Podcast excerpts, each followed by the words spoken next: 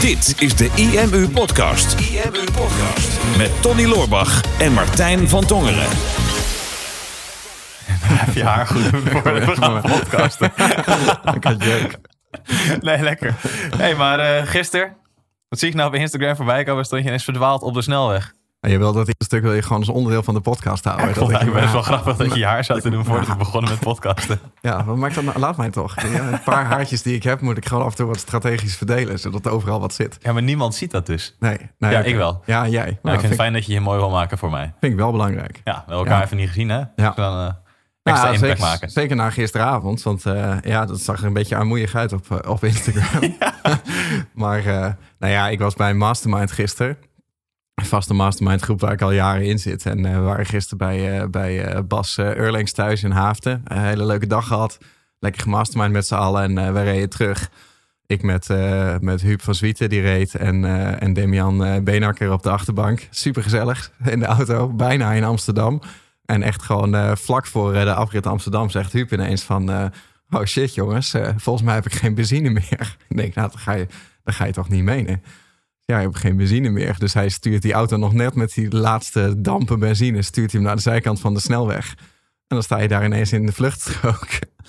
En eh, dan is het veiliger om uit de auto te gaan. Dus ja, dan stap je uit die auto en dan sta je dus in het holst van de nacht. Dan sta je dus gewoon in de berm. Vet koud. Nou, vet koud. En uh, lag dus een houten plankje lag daar. Dus daar zijn we maar op gaan staan met z'n drieën. Zodat we geen, niet echt natte voeten kregen, want het gras was nog hoog. Ah, En dan sta je dus zeg maar met drie miljonairs... sta je er in het holst van de nacht op een houten plankje naast elkaar. Compleet machteloos. Ja, dus uh, was een beetje armoeig. Ja, oh jochie toch. ja. Toen lo- lopend naar de benzinepomp voor een jerrycan of... Nee, we dachten we bellen gewoon de ANWB en die, eh, die zal ons wel, eh, wel helpen. Want je kan wel eh, een half uur gaan lopen en dan nog weer een half uur teruggaan. Maar nee, ja, dat, dat was, was gewoon niet handig. Maar ook dan wel merk je gewoon dat. Weet je, ik merk dan meteen van we zijn met, met, met ondernemers die gewoon al een lange carrière van obstakels overwinnen achter de rug hebben en business bouwen. Want er was helemaal geen, geen chagrijn. Er was alleen maar gelach. En Mhm. weet je, Huub wil natuurlijk zijn excuses wel aanbieden. Maar dat was eigenlijk helemaal niet nodig. Van ja, weet je, het is gebeurd. De situatie is nou eenmaal zo. De situatie kunnen we niet meer veranderen. We kunnen alleen veranderen hoe we ermee omgaan. Dus laten we maar gewoon lekker verder gaan met masterminden. En, uh, en gewoon uh, elkaar inspireren of in ieder geval een hoop lol maken. In plaats van een uur lang klagen dat het lang duurt dat de ANWB komt. En een uur lang klagen over, ja, Huub had nou even naar die benzinemeter gekeken. Ja, precies. Hij zei ook nog wel, hij zei, oh, ik had eigenlijk vanochtend al gezien op de heenweg dat ik eigenlijk had moeten tanken. Ik zei, ja, dat moet je er allemaal niet bij zeggen. Ik denk, dat het, ik denk dat het ingepland was. Hij dacht, ik wil gewoon op de terugweg, dan wil ik gewoon wat extra tijd met Tony en Damien doorbrengen. ja, precies. Dus ja. ik laat hem gewoon leeglopen. Ja, klopt. Maar ik vind dat dan wel zo bijzonder. Want zoveel mensen, ik bedoel, zie je sowieso natuurlijk heel veel chagrijn in het verkeer altijd. Van als, man, man. als mensen maar, maar een, een seconde langer moeten wachten dan dat hun uitkwam, dan krijg je al geschreeuw en getoeter en soms uh, middelvingers. Denk, Jezus, hoe, hoe erg kan je je opwinden over een situatie waar je niet heel veel aan kan doen? Hè? Of over files en dat soort dingen. En denk, ja, ik snap dat het heel vervelend is. Maar ik denk, het is wel een, een essentieel onderdeel van ondernemerschap, is dat je alle situaties die je niet kan veranderen, dat je daar geen energie aan verliest. Die moet je gewoon helemaal loslaten. Je moet je energie focussen op situaties die je wel kan veranderen. Of dan in ieder geval hoe je met de situaties omgaat die je niet kan veranderen. Ja, een stukje roeien met riemen die je hebt. Ja, precies. Ja, ja het was een heel uh, leerzaam avondje. Ja. ja, maar de dag ook hoop ik. Want uh, ja, als jij een, een hele dag uh, afwezig bent, dan is iedereen in rep en roer hier natuurlijk. Ja, nou, snap dat is ik. Eigenlijk ja. helemaal niet waar, want je bent er toch bijna nooit. Maar... verandert, verandert hier helemaal niks. Nee, ja, we hebben het gehad gisteren in die mastermind. Dat is ook wel leuk om het nu over te hebben. Over je zogenaamde genius zone. Um, En volgens mij komt dat uit het boek, weet ik niet helemaal zeker, maar uh, uit het boek The Big Leap. Uh, dan gaat het over, zeg maar, je hebt verschillende uh, staten van zijn, hè, of verschillende modussen waar je in kan geraken als je werkt. En je, je genius zone, hè, dat is eigenlijk je, je, je topzone, hè, je peak state, waarin je eigenlijk het best tot je recht komt. Mm -hmm. En um, dat is eigenlijk de zone waar je in zit wanneer je de taken aan het doen bent, die je en de meeste energie geven en die ook nog eens de meeste toegevoegde waarde op je leven of op je business zijn. En, uh, en dat was de rondvraag gisteren van nou, wat is voor jullie allemaal je genius zone en wat zijn de dingen die bijvoorbeeld niet in je genius zone vallen? Nou, daar hebben we het over gehad. Daar heb je het over gehad. En wat was, jouw, wat was jouw genius zone dan? Nou, bij mij zegt alles, alles wat ik doe is natuurlijk genius. Hè? Ja, ik dacht al, dat is al een hele, hele lange zicht geweest en toen jij in de beurt was. Mijn genius zone is vanaf 13 april 1987, hè? vier uur s'nachts, tot, uh, tot precies tot nu. precies hè? nu. Vanaf de geboorte. Elke film die je gekeken hebt. Ja, alles was genius, ja. Nee, eh, wat heel interessant was, we hadden onderscheid zeg maar, tussen je genius zone en bijvoorbeeld ook de, de zone daaronder. En dat is je excellence zone. Mhm. En ehm, we hadden gisteren het onderscheid van er zijn een heleboel taken waar je bijvoorbeeld heel goed in bent. Dat is je excellence zone. Maar dat betekent niet per se dat je die ook het leukste vindt om te doen. Hè? Of dat je daar energie van krijgt. Ja. En, eh, en, en ik heb in principe beide wel in mijn werkweek. Hè. Ik merk dat toen ik begon met ondernemen, toen, toen ging het voor mij heel erg over eh, resources creëren zelf. Hè, in mijn eentje. Van nou, ik ga zelf blogjes schrijven. Ik ga zelf sales pages maken. En ik ga zelf al mijn klanten één voor één binnenhalen. Zelf alle euro's verdienen. Mhm. En toen de business wat groter werd, toen ben ik die resources gaan managen. Hè. Dus toen kwamen er andere mensen die dat soort dingen zijn gaan doen. Ja. En toen ben ik alleen gaan bepalen van wat moet er gebeuren en wie moet dat dan vervolgens doen. Mhm. Ehm, en nu gaat het steeds meer, nu ik er nog wat meer uit ben. En jij bent nu natuurlijk meer de manager hier. ja. Ehm, en ik Maar ben wat vond je dat toen ook echt je, je genius zone? Dat dat echt het beste was waar je, waar je in was en dat je daar ook het meeste energie van kreeg? Want ik weet nog Ehm. dat jij toen altijd zei van ja, manager vind ik helemaal kut. Eh, ja, klopt. Nou, dat was toen niet mijn genius zone, maar dat is de ontwikkeling die ik heb gehad. Eh, Ja. Ik vond de, het stuk daarvoor, zelf werken, vond ik toen wel mijn genius zone. Ja. Dat was namelijk waar ik goed in was en waar ik toen heel veel energie van kreeg. Dus toen Mhm. was mijn excellence zone en mijn genius zone was eigenlijk hetzelfde. Ja, En mijn resources manager was niet mijn genius zone. Want Nee. ik ben inderdaad een waardeloze manager. Dat eh, heb jij in eerste hand ervaren.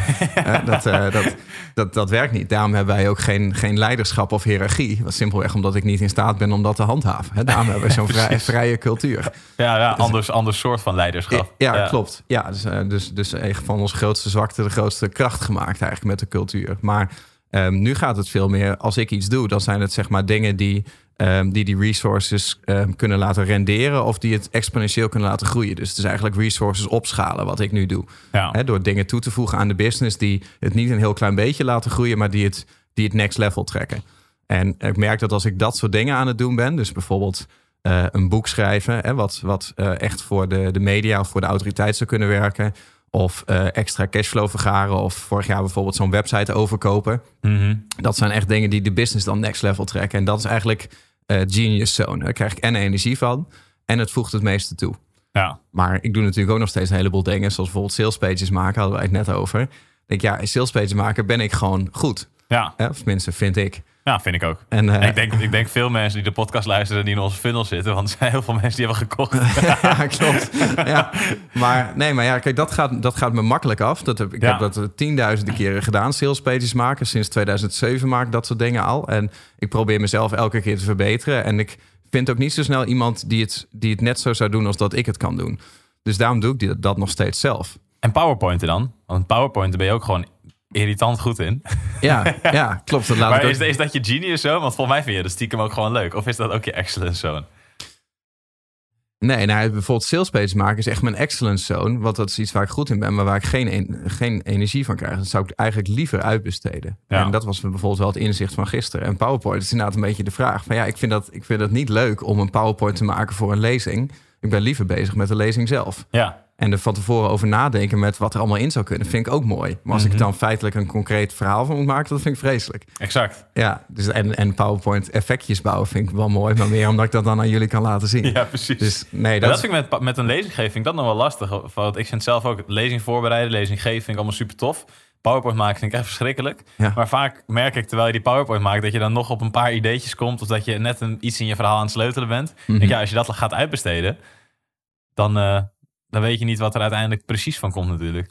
Nee, maar dat, kijk, je kan natuurlijk ook niet, niet alles één op één uitbesteden. Want je kan niet zeggen van iemand anders moet mijn PowerPoint maken, terwijl ik zelf nog helemaal niet weet wat erin moet komen. En, dat is, dat is- en met de sales page is dat ook lastig. Hè? Meestal ontstaan die dingen bij ons terwijl we ze aan het bouwen zijn. Klopt. En boek schrijven net zo. Maar ehm, ook daar zou je in principe daar wel van af kunnen stappen. Want stel dat ik nu bijvoorbeeld, hè, ik heb al de hele tijd het idee om een boek over webpsychologie te schrijven. Maar ehm, ik vind, eh, zeg maar, bepalen wat erin moet komen, vind ik geniaal. Maar het, het feitelijke indrukken van de toetsen en bepalen hoe die zinnen moeten lopen en in welke volgorde het moet staan en wat wel en wat niet, hoe ik het best kan verwoorden, dat, ik ben daar op zich wel goed in, maar dat is niet waar ik energie van krijg. Nee. Dus ik zou ook misschien wel een ghostwriter kunnen gaan vragen van... hey, ga mij interviewen en ga het boek voor mij schrijven... zodat het wel mijn boek wordt, maar dat ik dat stuk niet meer zou hoeven doen. Ja, precies. Het was eigenlijk een beetje het inzicht gisteren was van... het is heel eh, comfortabel om heel vaak stiekem terug te grijpen naar je excellence zone... omdat je dan dingen aan het doen bent waar je goed in bent... en waar je om wordt gewaardeerd. En dat je dan je, dus jezelf ook waardeert. Maar dat je eigenlijk niet aan jezelf durft toe te geven dat het niet hetgene is waar je de meeste energie van krijgt. Ja. En eh, daar eh, moet je dan af en toe wat tijd voor maken. Maar wat is het voor jou? Wat is jouw genius zone? Mijn ja, daar, ik dwaal op een gegeven moment dwaal ik net al een beetje af en dat ik erover na zat te denken. Ja, wat Ja. is mijn genius zo nou eigenlijk? Ik denk, ja, wat vind ik nou het vetste, in, om te doen nu en waar krijg ik energie van? Ik denk dat is enerzijds is dat de laatste tijd gewoon puur echt voor de business zelf bezig zijn met, met de marketing. Mhm. Dus het maken van video's, ehm, maar ook dan daadwerkelijk de hele strategie eromheen bouwen. Mhm. Dus de funnel uitdenken, ehm, de funnel bouwen of eigenlijk uittekenen. Dat is een stukje genius zone voor mij. Dus de, funnel daadwerkelijk bouwen niet. Nee. Dus, dus, het, dus bepalen wat erin moet komen, hem uittekenen en daar alle geniale automatiseringen alvast voor in kaart brengen. Dat helemaal. Mhm. Een stukje funnel bouwen zou dan excellent zone zijn. Ja. Ja, Maar video- vind je dat, dat je daar goed in bent? Ja, absoluut. Ja, durf ik Ja, gewoon te zeggen. ja, nee, vind ik ook wel, ik ja. weet dat jij er niks Ja. van kan, dus tegenover jou sowieso. Ja, maar het is een beetje het land der blinden is één oog koning. Ja, klopt. Ja. Laat mij dan net die ene oog zijn. precies. Ja. Ja, en, en het, het- gewoon het, het, ehm, het geven van die webinars of het geven van trainingen of, of het maken van video's. Want ik merk gewoon dat ik het zelf super vet vind om, om die video's te schieten.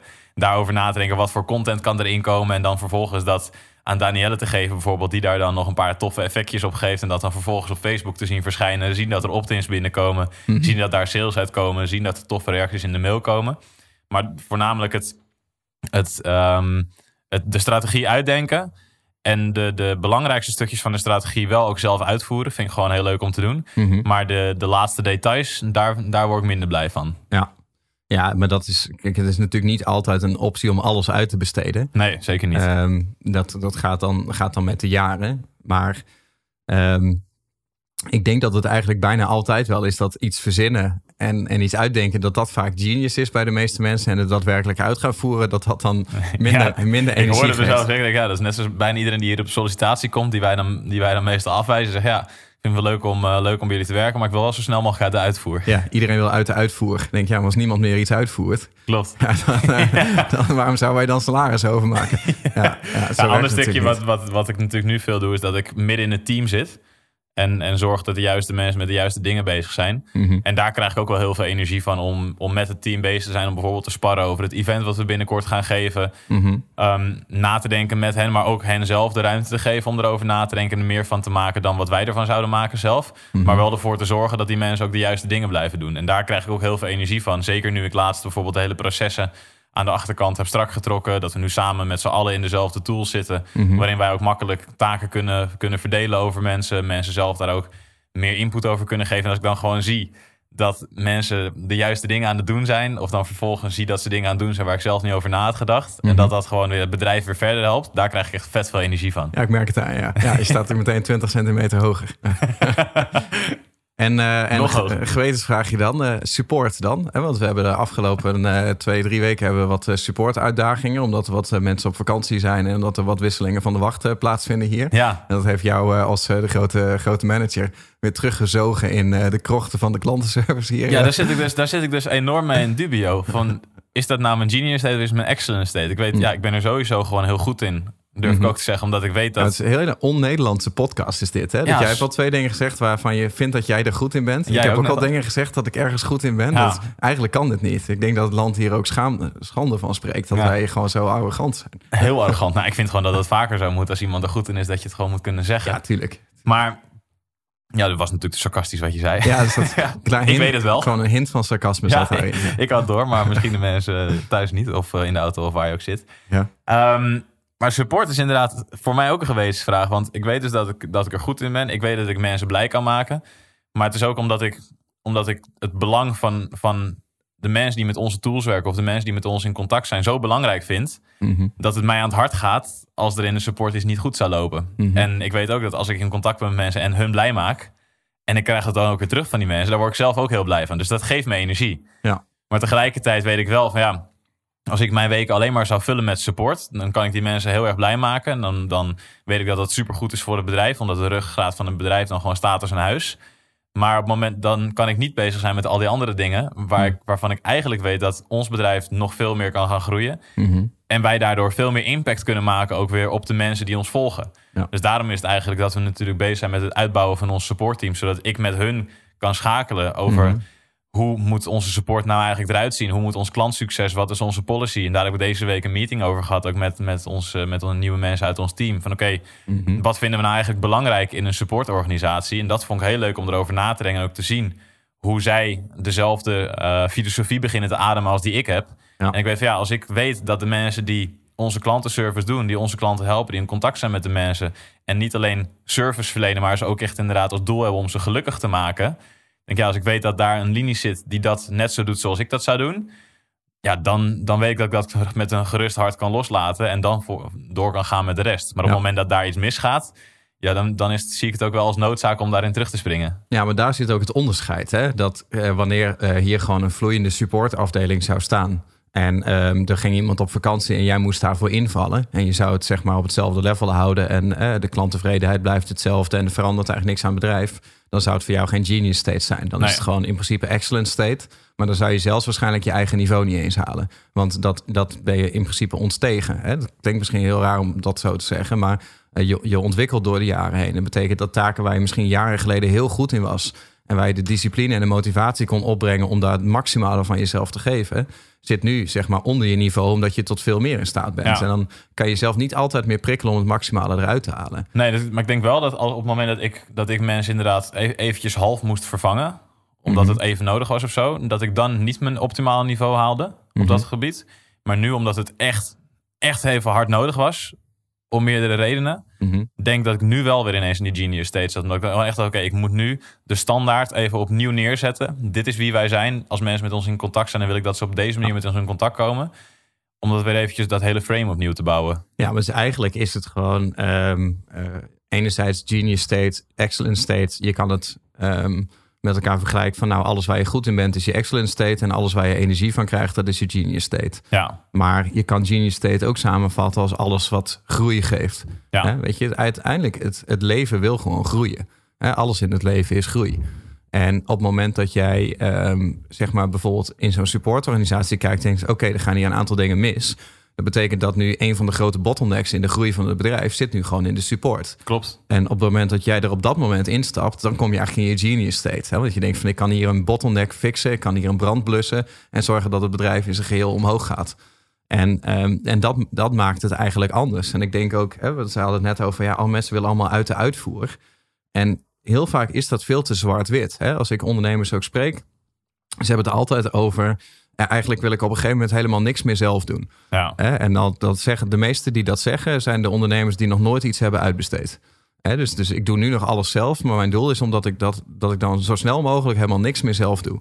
Ja. Ik denk, ja, maar sowieso is dat bijna niet te doen. Want je kan niet in één keer alles uitbesteden wat je doet. En als het wel doen, wat doe jij er dan nog Ja, toe? Wat, wat voor bestaansrecht heb jij en je business dan? Precies, dus je begint altijd met het uitbesteden van, van hapklare brokken... van dingen die jij doet, ehm, die ook net zo goed door iemand anders gedaan zouden kunnen worden... wat voor je business niet anders zou zijn... eh, waardoor jij tijd krijgt om nog meer toegevoegde waarde te leveren. Hè? Dus Ja. dat jij weer meer tijd vrij krijgt. En ik denk dat het een misvatting is dat je moet proberen om uiteindelijk overal uit te komen en niks meer te doen. Want er zitten namelijk op alle levels van het bedrijf zitten wel bepaalde dingen die binnen jouw genius state vallen. Ja. Misschien is dat zelfs nog wel met, met zo'n PowerPoint maken. Ik denk, het slaat nergens op dat, dat ik nog steeds dan mijn eigen PowerPoint maak, terwijl ik heel veel andere uitvoerende dingen niet doe. Of dat ik dan zo'n zo'n sales page zit te maken. Maar ik denk, ja, van het hele bedrijf ehm, ben ik misschien wel de meest logische persoon om dat te doen. En misschien maakt die sales page wel de grootste impact. Want ja, die sales page die levert ons elke dag dan sales op. En dat staat misschien wel een paar jaar online. Mhm. Dus dan kan ik met één dag investeren, kan ik iets toevoegen wat, wat jarenlang eh, oplevert. Ja. Eh, en ik denk dat er zelfs binnen het bedrijf op de werkvloer nog wel dingetjes zijn waarvan je denkt van nou, vind ik eigenlijk gewoon leuk om dat te doen. En ik merk dat ik daarvan toegevoegde waarde ben. Dus overal waar ik, waar ik een bottleneckje weg kan halen of overal waar ik een brandje kan blussen, Mhm. waar ik ook nog eens energie van krijg, dat mag best wel binnen je genius zone vallen. Ja. Ja, misschien is dat hem, dat hem misschien ook wel is voor mij, de, de bottleneckbreker. Ja. Ik denk als er, als er ergens nu een, een, waar, datgene waar het grootste probleem zit, daar, zo, daar zet, zet ik mezelf dan in. En daar ga ik Ja. dan volle bak om om dat next level te trekken. En op het moment dat het dan weer op niveau is waar wij het willen hebben, dan zorgen dat de mensen die het moeten overnemen, dat die het op een goede manier doen. Ja.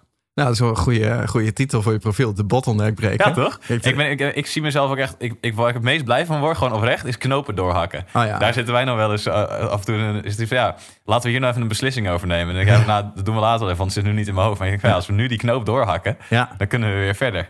Klopt. Ja, nou ben, ben ik ook fan van. Alleen ik, eh, ik hark een knoop pas door als de situatie daarna is om hem door te hakken. Jij wil, Ja, hem, me- jij wil hem meestal net iets sneller doorhakken dan ik. En dan heb ik nog een aantal scenario's die mede overwegen, overwogen moeten worden. Ja, Ja, precies. Dan mag jij, moet jij eerst even wachten tot het zaterdag is, zodat je er even over kan broeden. klopt. En Ja, dan daarna, zaterdag, eh, maandag, dan kan je weer, eh, dan kan je weer knopen door. zaterdag denkdag, ja. Ja, maar ja, de bottleneckbreker. Ik heb jou meer leren kennen als de bottenbreker toen, toen je net bij mij werkte. Ja, Dat was toen echt brak ik jou Toen brak je bijna mijn arm. Ja, het was echt na een paar maanden of zo. Toen kwam ik het kantoor inlopen. En gewoon compleet random zei je, Tony, geef je arm eens. en toen deed, probeerde je een of andere karate move te demonstreren. En toen brak je bijna mijn arm. Ik denk, wat is dit wel niet voor rare gozer? Ja, dat was echt hilarisch. Ja, ja die kunnen we op het podium wel doen.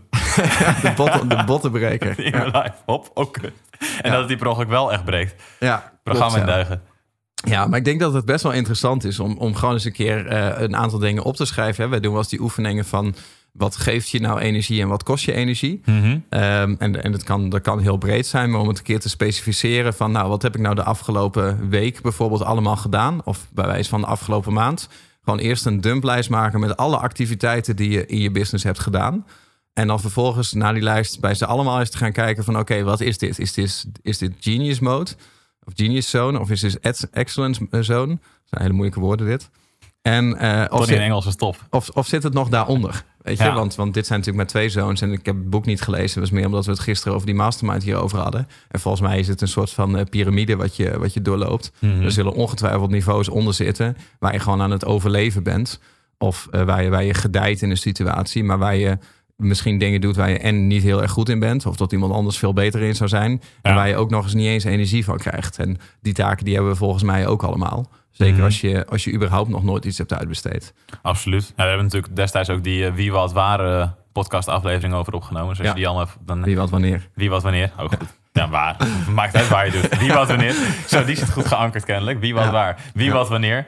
Dat, je die, eh, dat je die oefening daarvoor kan doen. Maar wat, wat misschien wel leuk is om inderdaad te kijken naar die Genius en Excellence Zone. En te kijken van als je daar nou meer op zou gaan focussen. Wat dat voor impact zou hebben op je business. Als Ja. je dat hebt geïdentificeerd. Ja. Wat dat voor impact zou hebben. Ja, klopt. Nou, ik vond het op zich nog wel interessant met... ehm, hè, we hebben natuurlijk laatst het eh IMU Live aangekondigd met die, eh, met die verjaardagsvideo. Mhm. En eh, dat was echt een voorbeeld van zeg maar hoe je, hoe je op een andere manier met, met je taak omgaat. Hè? Dus waar je eigenlijk een soort van genius zone omarmt. Ja. Ehm, door te denken, hè, we hadden toen met Bart over die video van oké, we hebben verschillende soorten video's. Hij had het dan over hygiëne content, van dat, dat zet je elke dag online. Dat hoeft allemaal niet zo perfect te zijn. Mhm. Dat is gewoon meer voor het, eh, voor het voeden. En dan heb je de hub content. Dat is eh, wat je één keer in de week of één keer in de twee weken op YouTube zet. Hè, wat al wat meer inhoudelijk is, wat wat meer over je business gaat. Mhm. En dan heb je de hero content. En dat is eigenlijk maar één of twee keer per jaar. Dat je gewoon echt, dat het helemaal moet kloppen. Hè? Dat het viraal moet kunnen gaan. Dat het inslaat als een bom. Dat je all out gaat met één stuk content. Ja. En, en dat valt ook een beetje onder genius zone. Hè? Dat is gewoon, als je met zoiets bezig kan. Dan denk je van, ik ga één keer één hele grote impact maken. Hoe zou ik dat dan aanpakken? Ja. Eh, en wij hebben er toen voor gekozen om daar iemand voor in te huren... die daar nog beter in is dan wij. Ja. Hè? Want ehm, wij, die video, als wij hem zelf hadden gemaakt... dan hadden we dat vanuit onze excellence zone gedaan. Klopt. Van, hè, we zijn goed in het maken van video's, maar gewoon op, op ons level. Hè? We zijn Mhm. professionals die, die nog op een veel hoger level zitten. Ja, dat was, dat, die video was gewoon next level. Maar omdat hij dat deed, konden wij vervolgens wel weer een stukje aanpakken waar wij goed in waren. Ja, Met een stukje van oké, zodra mensen zich aanmelden bijvoorbeeld, wat moet er dan gebeuren? Ja. Ik ben toen dat proces daarna gaan bedenken eigenlijk. Dus Ja. het stukje, stukje funnel en de flow die mensen moeten doorlopen. En het formulier wat ze moeten invullen en de vragen die ze moeten beantwoorden. En jij hebt de aanmeldpagina gemaakt. Mhm. Ja, klopt. Dus wat dat betreft hebben we die twee genius zoons ineens naast elkaar. ja, maar ik denk ook dat op het moment dat toen wij voor de keuze stonden van... oké, dus er moet één video nu komen... en die moet eigenlijk die zaal met 1800 mensen... moet die zo snel mogelijk gaan vullen. Hè? Ja. Alles staat of valt met snelheid, want er moet hype om gecreëerd worden. Dus die video moet het doen. En we hadden die video prima zelf kunnen maken. Maar ik denk dat als we dat waren gaan doen, dan waren we dus in de excellence zone beland. Maar juist door te besluiten om hem niet zelf te maken en er iemand voor te halen, zijn we eigenlijk in onze genius zone gebleven. Ja, klopt. Dat is, dat is misschien wel het mooiste voorbeeld. Maar dan moet je dus ook, je moet dus durven loslaten. Want wij hadden ook kunnen zeggen van, goh, eh, Danielle, eh, pak even de camera en eh, ga hier eh film ons even. Dan spreken we even een minuutje in dat we een seminar geven. En heel eerlijk, met die video hadden we het ook wel volgekregen. Mhm. Alleen ehm, door zo te investeren, dan zijn we een paar duizend euro lichter voor een video van één minuut. Ehm, hebben, hebben we natuurlijk wel een enorme impact in de markt gemaakt. Ja, Omdat hij hij- viel veel meer op. hij viel, ja, en iedereen heeft het erover. Hè? Want Ja. er zat een humorfactor in, er zat een virale factor in. Eh, omdat die zaal in die vier dagen gevuld was, heeft dat ook weer een enorme statement gemaakt. Ehm, en, dat, en zo hadden wij het zelf niet voor elkaar gekregen. Nee, klopt. Dan hadden we moeten overcompenseren met, met onze marketingkracht eigenlijk. Ja, ja dan hadden we inderdaad eh, meer, meer traffic er tegenaan moeten gooien. Ja, nu hebben we één mailtje eraan gewijd. Allebei één LinkedIn-post, één Ja. Instagram-post, één Facebook-post en de rest deze zichzelf. Ja, klopt. Ja, en eh, onze mailinglijst hebben we eigenlijk amper gebruikt. Het merendeel is gewoon uit het virale effect gekomen. Ja, klopt. van mensen die het zijn gaan delen. Dus nu weet ook iedereen het. En anders was dat niet zo geweest. Dus ik denk, eh, dat is misschien wel mooi om mee af te sluiten. Ehm, sowieso het verschil tussen die twee, twee zones. Hè, van waar, waar zit je nou eigenlijk in? En dat is Mhm. soms een beetje confronterend van... durf dan bepaalde dingen los te laten die je wel heel goed kan... maar waar je niet zo heel veel energie van Ik krijgt. zit echt ineens te denken. Ja. Als je nou gewoon twee zonen hebt. Dat je dan eentje genius bent. Ja, en een andere excellence. excellence. Ja. Durf verschil tussen die Ja, twee dat is, te zien. Dat is de tip. Twee zonen nemen, ja.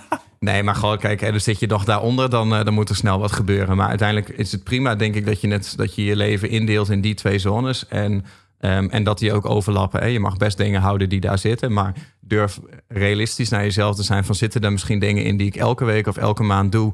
Waarvan ik het idee heb dat ik ze eigenlijk alleen maar doe omdat ik daar simpelweg de beste in ben. Of dat ik dat vind. Mhm. Ehm, en dat ik ze daarom eigenlijk niet eh, los durf te laten. En eh, ook op het moment dat je dan iets gaat doen wat echt voor impact moet zorgen in je business. Zoals één, één zo'n marketingactie. Hè. Bij ons is dit gewoon de marketingactie van het jaar. Ja, durf dan ook te investeren. En durf dan ook in die, eh, in die genius zone te komen. IMU Podcast. Hey, super tof dat je hebt geluisterd naar deze aflevering van de IMU Podcast. Ik hoop dat je het waardevol vond en ik hoop dat je er inzichten uit hebt kunnen halen voor je online marketingstrategie, voor je business of voor jezelf als ondernemer. Het is namelijk ons doel met deze podcast om zoveel mogelijk mensen te helpen en inspireren voor een online marketingstrategie en voor hun business. En daarom wil ik je ook vragen of je ons wil helpen om die boodschap te verspreiden.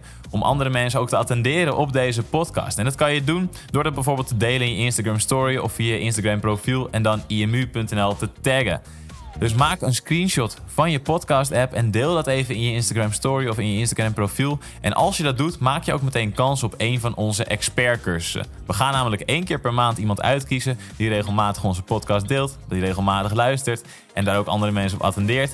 En die krijgt dan een gratis expertcursus van de IMU naar keuze. Dus maak even een screenshot van je app, tag imu.nl zodat wij het ook zien.